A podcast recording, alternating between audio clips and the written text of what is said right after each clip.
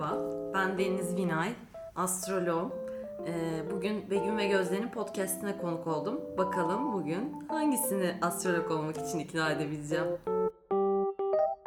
Merhaba Deniz, hoş geldin. Hoş bulduk. Hoş Merhaba. geldin Deniz. Merhaba. Nasılsın? İyiyim, teşekkür ederim. Siz nasılsınız? İyiyiz, biraz heyecanlıyız. Biraz ben de heyecanlıyım ya.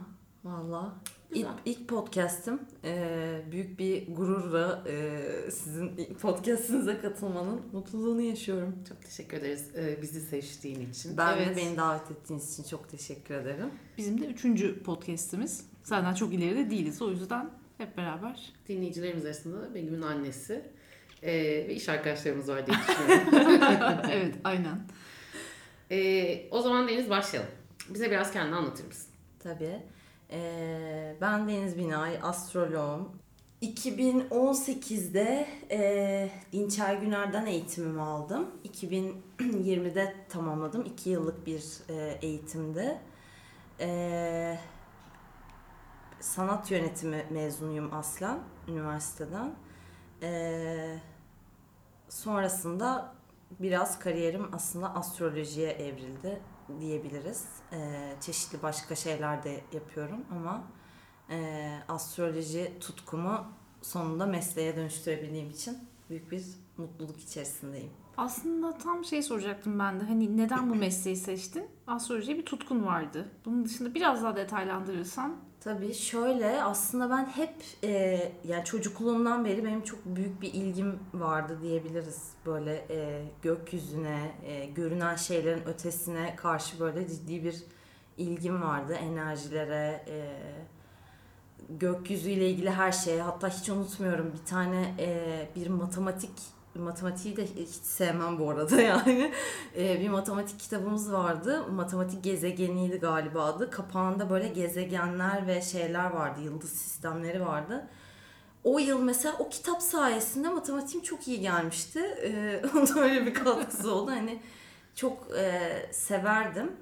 E, günün birinde profesyonelleşeceğimi aslında e, düşünür müydüm emin değilim ama bu benim için hep bir tutkuydu.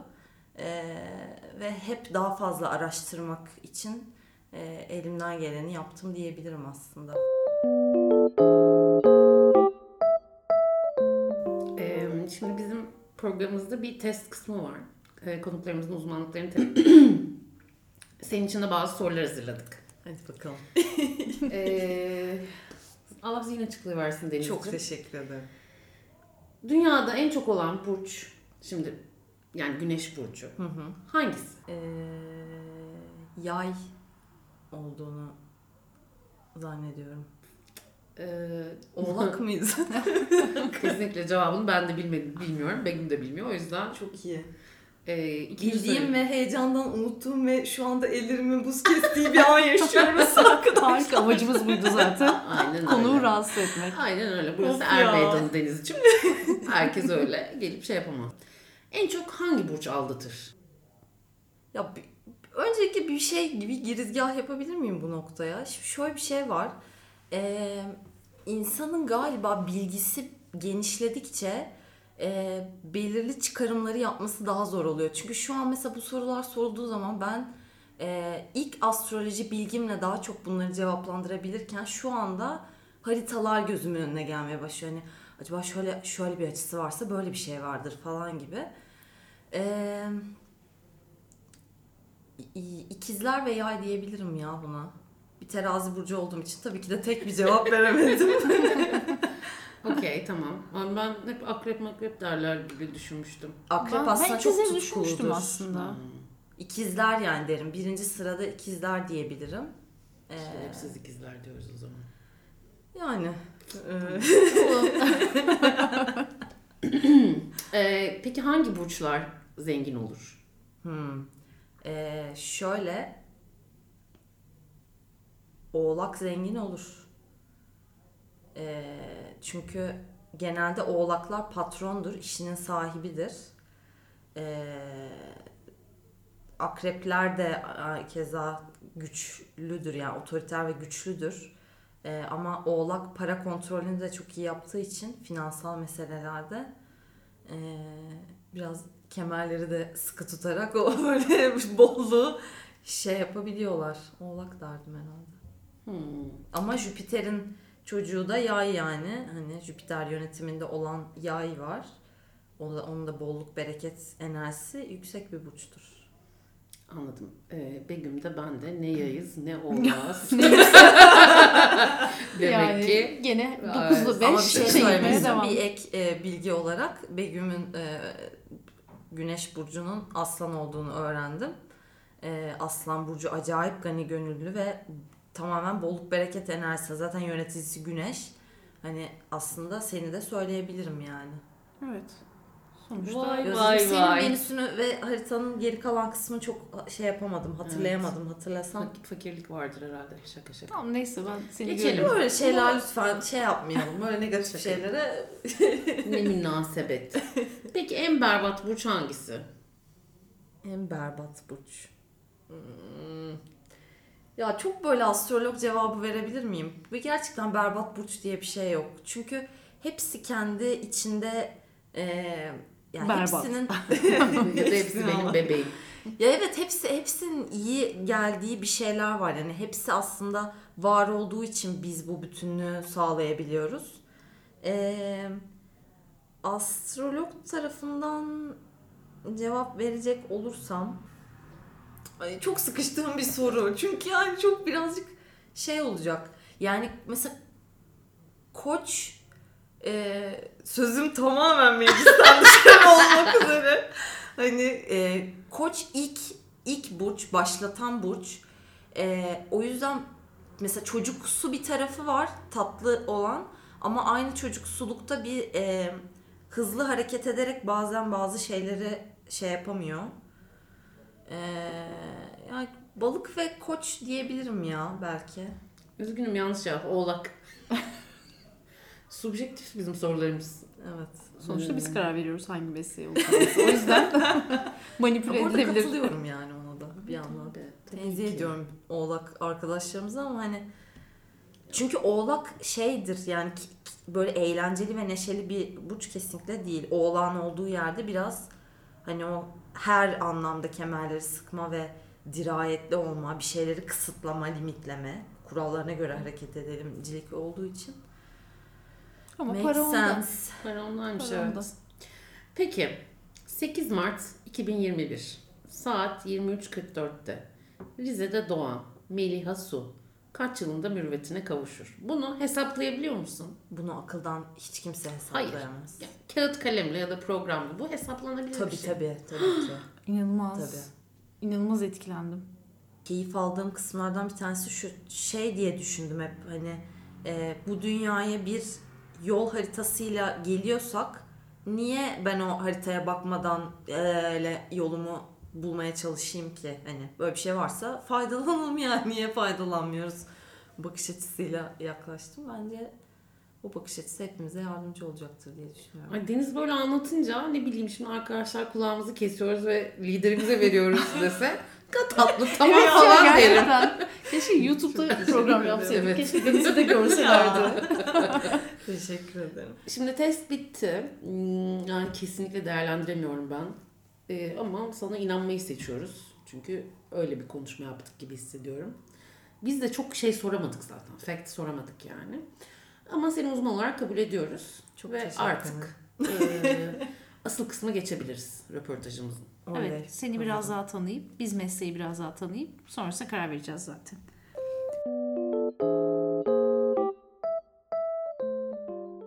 Peki şimdi tam olarak astroloji nedir? Bir iki cümleyle anlatsan ve benim gibi astrolojiye çok uzak olan bir insan için ilk duyduğunda bunun falcılıktan ne farkı var yahu diye bir soru geliyor. Neyden ne fark? Falcılıktan. Faldan. Ne dedin sen? Ee, orayı fark ettiyseniz direkt bloke ettim. Ben de çeviremedim. Bu çıkmış bulundu. Şöyle hayatlarımızın çeşitli alanlarında e, öncelikle potansiyellerimizi fark etmek. Yani evet fal değil çünkü zaten astrolojinin olayı e, ben gelecekte ne yapacağım değil aslında. Bu dünyaya bir haritayla geliyoruz. Kendi seçimlerimizle geliyoruz. Ama bu seçimlerden nasıl potansiyeller evriltebiliriz? Çünkü o zaman düşünsenize milyar tane aslan burcu insan var. Sen bütün aslan burçlarıyla Begüm aynı mı? Ya da hani bütün koçlarla e, aynı mıyız gibi bir durum var. O yüzden haritalar çok özel. Hatta şey e, bizim çok özel ve benim çok keyif alarak e, bir bitirme projesi yapmıştık biz. Dinçer Güner hocamız sağ olsun. Şöyle bir şeydi. Aslında orada da aynı anda yani nasıl diyeyim sana orada aslında amaç kendi doğum haritalarımızdan bir tane daha olmaması ve o haritadan şimdi aynı saatte doğan başka bir sürü insan olabilir. Hepimiz aynı mıyız o zaman? Aynı lokasyonda da doğsak hepimizin kadersel bir sürü şeyi devreye girmiş oluyor. Aslında bir haritadan çeşitli potansiyeller çıkartabiliyoruz ve kendimizi daha çok keşfedebilmiş oluyoruz hani faydalı kısımlarından, yararlandığımız kısımlarından en önemlisi diyebilirim bu.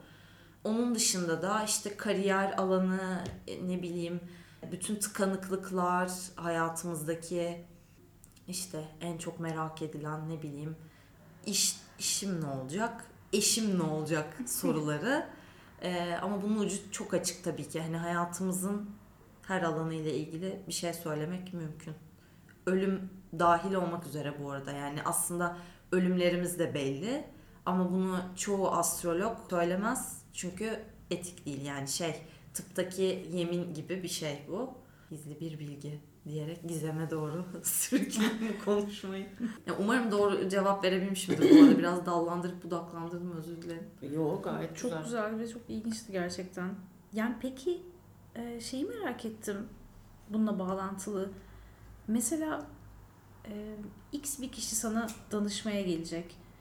O zaman sence kaç yaşında olmalı bu insan? Yani minimum yaşı nedir? Ya 18 yaştan önce bana gelmeyin. Mesela Meliha Su demin 5 e, aylık falandı. O olmadı tabii ama yani, ya şöyle aslında. Ne önerirsin e, burada dışarıda seni dinleyen milyonlara? Çocuklarına baktırmak isteyen danışanlarım oluyor mesela ve şey e, hani genellikle 18 yaşından küçük çocuklara da bakılıyor. Ee, onda da genel olarak hani aileler genel hayat potansiyellerini bilmek istiyorlar. İşte e, eğitimdir, kariyerdir vesaire. E, bununla çocuklara çok daha güzel bir yönlendirme yapılabiliyor ve aslında o çocuğun doğasının nasıl olduğunu ve onunla en iyi nasıl iletişim kurulacağına kadar aileleri çok e, bilinçlendirdiği bir e, kısım var. Hani böyle de bir şeyi var. E, yani onun bir yaş sınırı esasında yok. Ama tabii ki e, çok bebeklere tercihen e, bakmayı çok ben şey şey bulmuyorum hani e, etik bulmuyorum. E, biz öğrenirken de açıkçası öyle bir e, dipnot geçilmişti. Çünkü şöyle düşün düşünmek lazım. Hani zor bir hayatı olabilir. Astrolojinin her şeyden önce ciddi bir sorumluluğu var hakikaten hani çünkü e, bu bunun zaten ayrıştırıldığı ve e, biraz insanları ikileme sokan kısım şu. Bu kendini tatmin ettiğin bir nokta olma. Ben demiştim den çok uzak bir şey. E, bir şeyi söylerken 850 kere düşünüp 850 milyar sistemden onun tasdiğini yapıp e, her yerde aynı sağlamadan aynı sonuç çıkıyorsa bir şey söyleyebiliyoruz biz aslında hani afaki aa bir şey gördüm hemen onu söyleyeyim le olmuyor. Dolayısıyla hani o haritada e, zorlu açılar olabilir. E, o çocuğun hayatı ile ilgili. Şimdi daha yeni doğmuş ya da çok küçük bir bebekle ilgili de e, anne babayı da strese sokmaya ve gereksiz enerjilere sürüklemeye gerek Çocuk olmadığını düşünüyorum. olur demenin bir anlamı yok. Yani evet ya da şimdi bilemeyiz belki de genç bir yaşta vefat edecek ya da yani hani çok ciddi bir kaza geçirecek vesaire. Hani bunların hepsi sonuçta gözüküyor haritada potansiyel olarak. Ben yine de şey gibi düşünüyordum. Ne bileyim bu çok anlasam mesela çocuğumu doğuracağım e, saate kadar belirlemeye çalışırım gibi düşünüyordum. Yani Evet onu yapmak isteyenler var bu arada hani Ee, hani şu saatte bana gelmedi doğruya doğru hani bu saatte mi doğruyum falan gibi bir şey. Ama e, doğum saati bulma, rektifikasyon dediğimiz bir sistem var. Onda zaten bir nevi ebelik yapıyorum denebilir yani.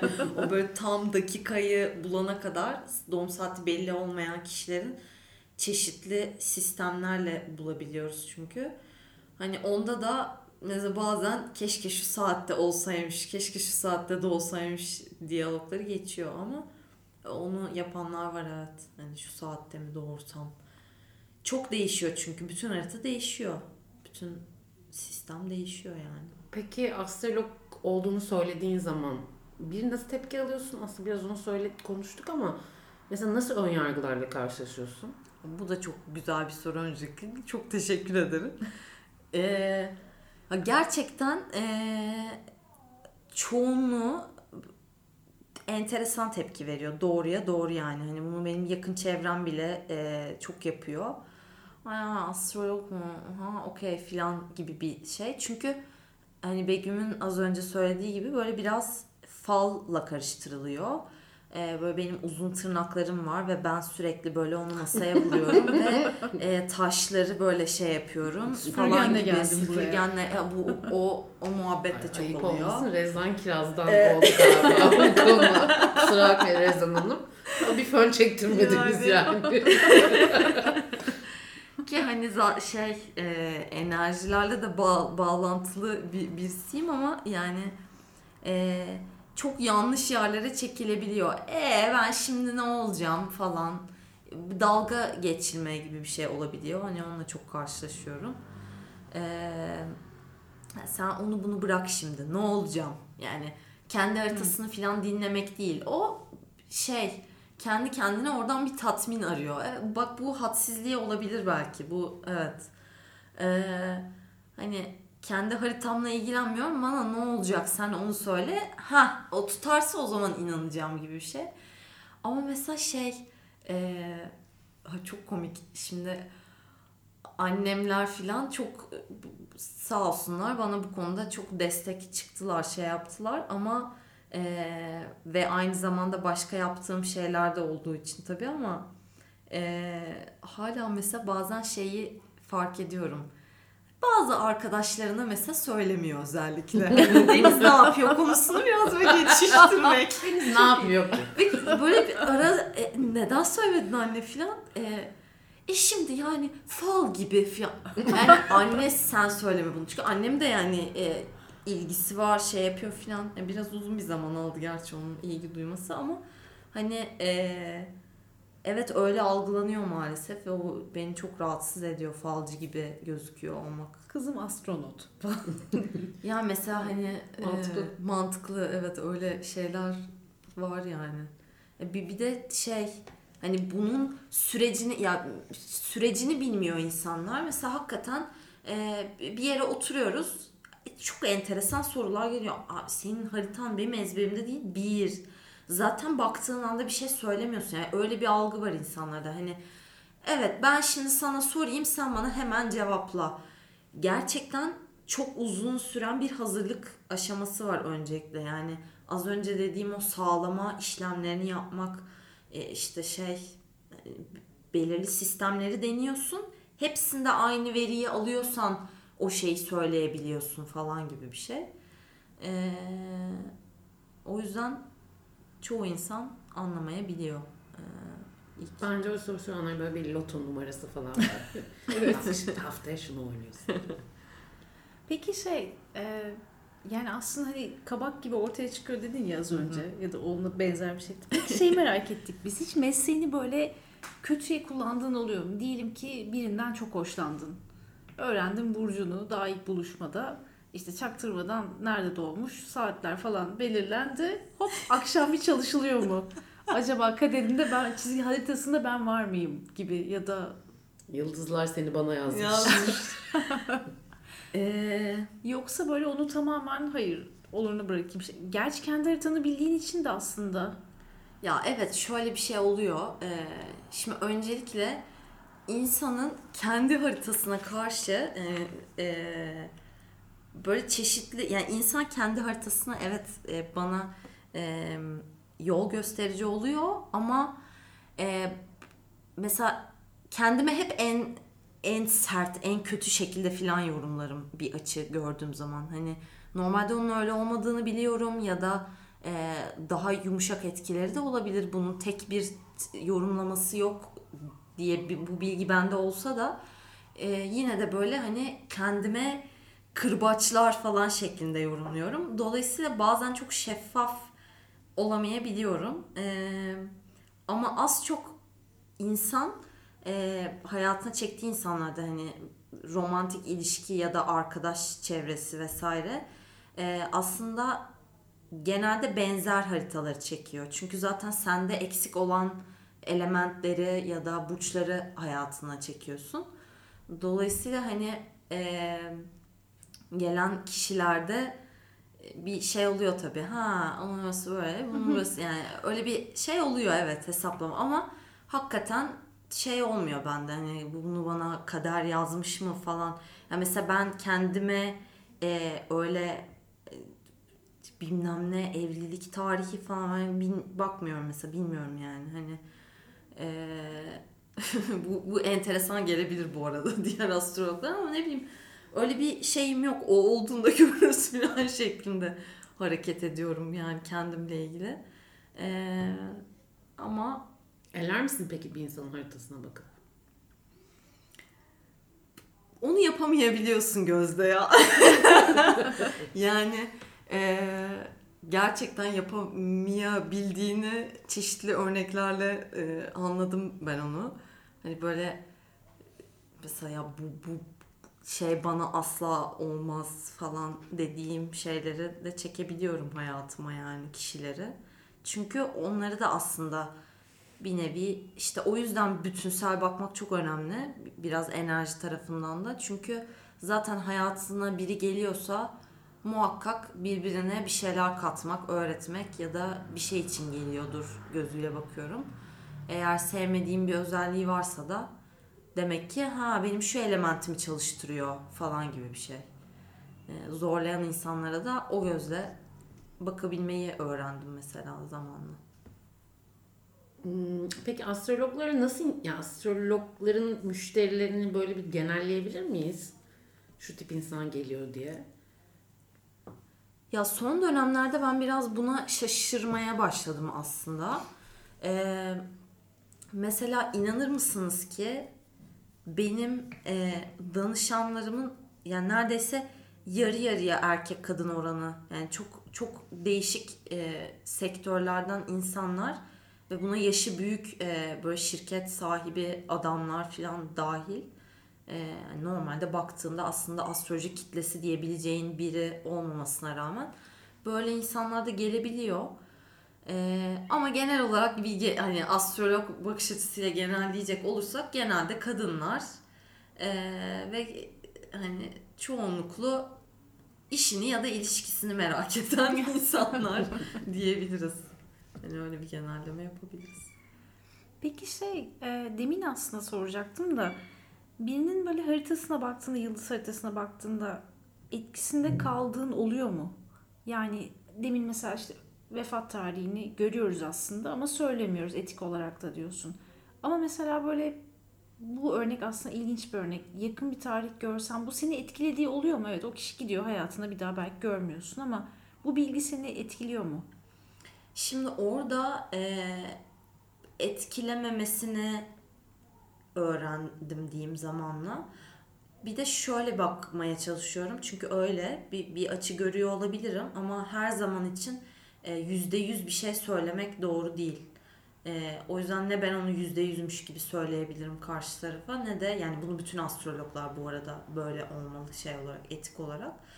E, çünkü başka bir şey de possibility de mümkün yani öyle olmaya da bilir.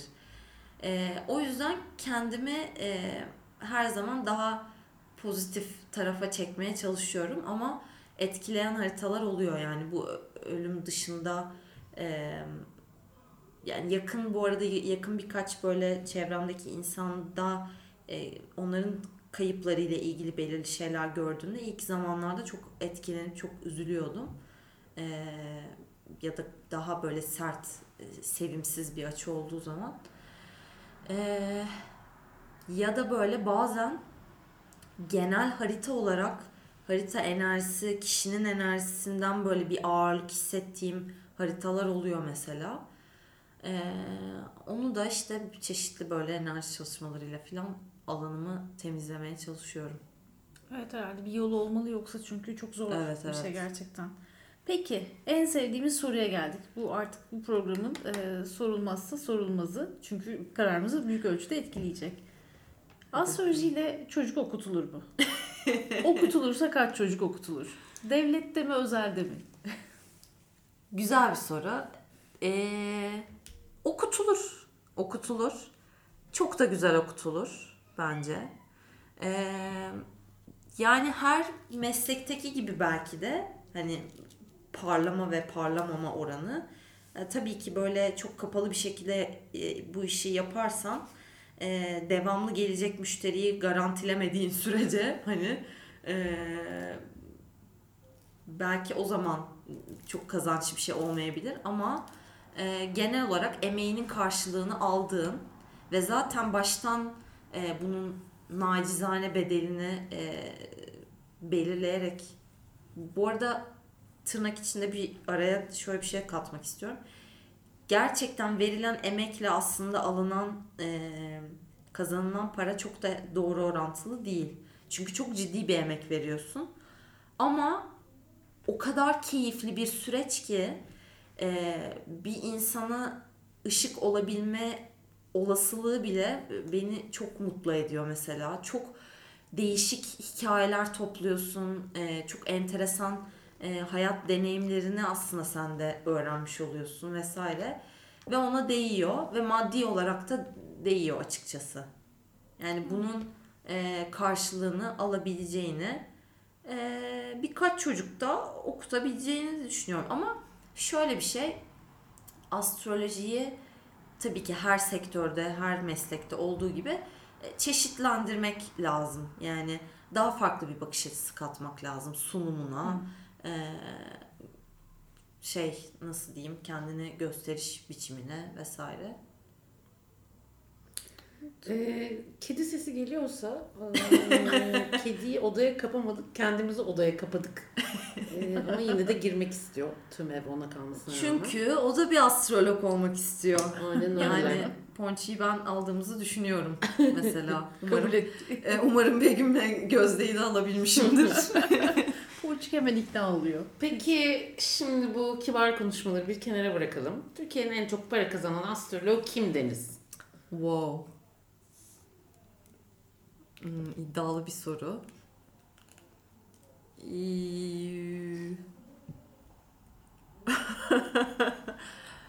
Yani şöyle söyleyeyim ben de en çok kazananı çok yani Hakan Kırkoğlu'nun e, birkaç yılının yani öyle söyleyeyim randevu verme şey ya birkaç yılının dolu olduğunu ve e, yüksek e, bir ücretle çalıştığını biliyorum. Hani belki o olabilir ama e, ay isim vermek birazcık bana şu anda şey yaptı. E, Ya da şöyle söyleyelim isim verme. Bu işi en pahalı yapan insanın randevu ücreti nedir? Evet bak İsimsiz. güzel oldu bu. Evet bu güzel oldu Ee, ama şöyle ki güncel fiyatlarından mesela o kadar da haberdar değilim çünkü değişken olabiliyor. Mesela Hakan Kırkoğlu'nun son fiyatını doğruya doğru bilmiyorum.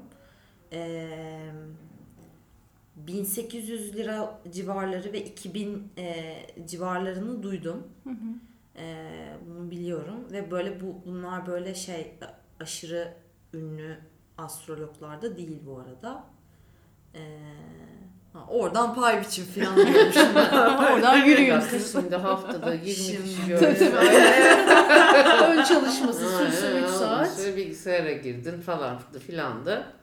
Tamam güzel. Tamam biz bunu hesaplarız programdan sonra. Peki Deniz astrolojiye inanmayan biriyle Anlaşabilir misin? Ne anla ne açıdan? Yani sana geliyor diyor ki bullshit bu. Yani üf, abi deli deli konuşma falan diyor. Ee, Arkadaş da olabilir, iş arkadaşı da. Yani hani samimi bir şekilde onunla bir iletişim kurabilir misin? Çok zor bir soru oldu bu. Çünkü çok karşılaştığım bir şey ve ben bunu sık sık ben de kendime soruyorum. Ee, anlaşabilirim. Ee, ama saygı çerçevesinde olduğu müddetçe. Çünkü ee, be- yani bilmiyorum bu kişisel bir şey mi olacak ama ben çok ütopik mesleklere bile benim için çok okey geliyor ki bu ütopik bir meslek değil. Dayandırıldığı şeyler var. Biraz böyle öğrenmeye daha açık olması gerekiyor. Herkesin inancı ve seçimi farklı olabilir. Ama bu noktada eee, her neyse o, o anda o kişiye benim yaptığım şey bir inanç gibi geliyor olsa bile buna saygı duyması zorunluluğu eee, olmasını ararım açıkçası. Ama onun dışında herkesin düşüncesine saygı duyarım. Herkesi de çekemem yani hani şey ay kimseyi çekemem diye Çekemeyen hani şey hani yani herkesi de bu şeye çekemem attract edemem maalesef. Ee, şimdi bizim podcastimizin doğum tarihi 23 Ekim 2021.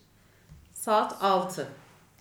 O kadar dedim bakarım ederim ama ya soruyu da yazmış bulunduk o yüzden soracağız. Bu podcast tutar mı? Devam edelim mi? Şimdi eee, öncelikle bu bu şeyin eee, bu tarihin bayağı bir insan şeyiyle değerlendirilmesi gerekiyor. Haritasının çıkartılması gerekiyor. Eee, buna podcast sonrasında bakabiliriz bu arada daha detaylı olarak. Çünkü şu anda söyleyeceğim şeyler harita gözümün önünde olmayacağı için biraz böyle afaki olabilir.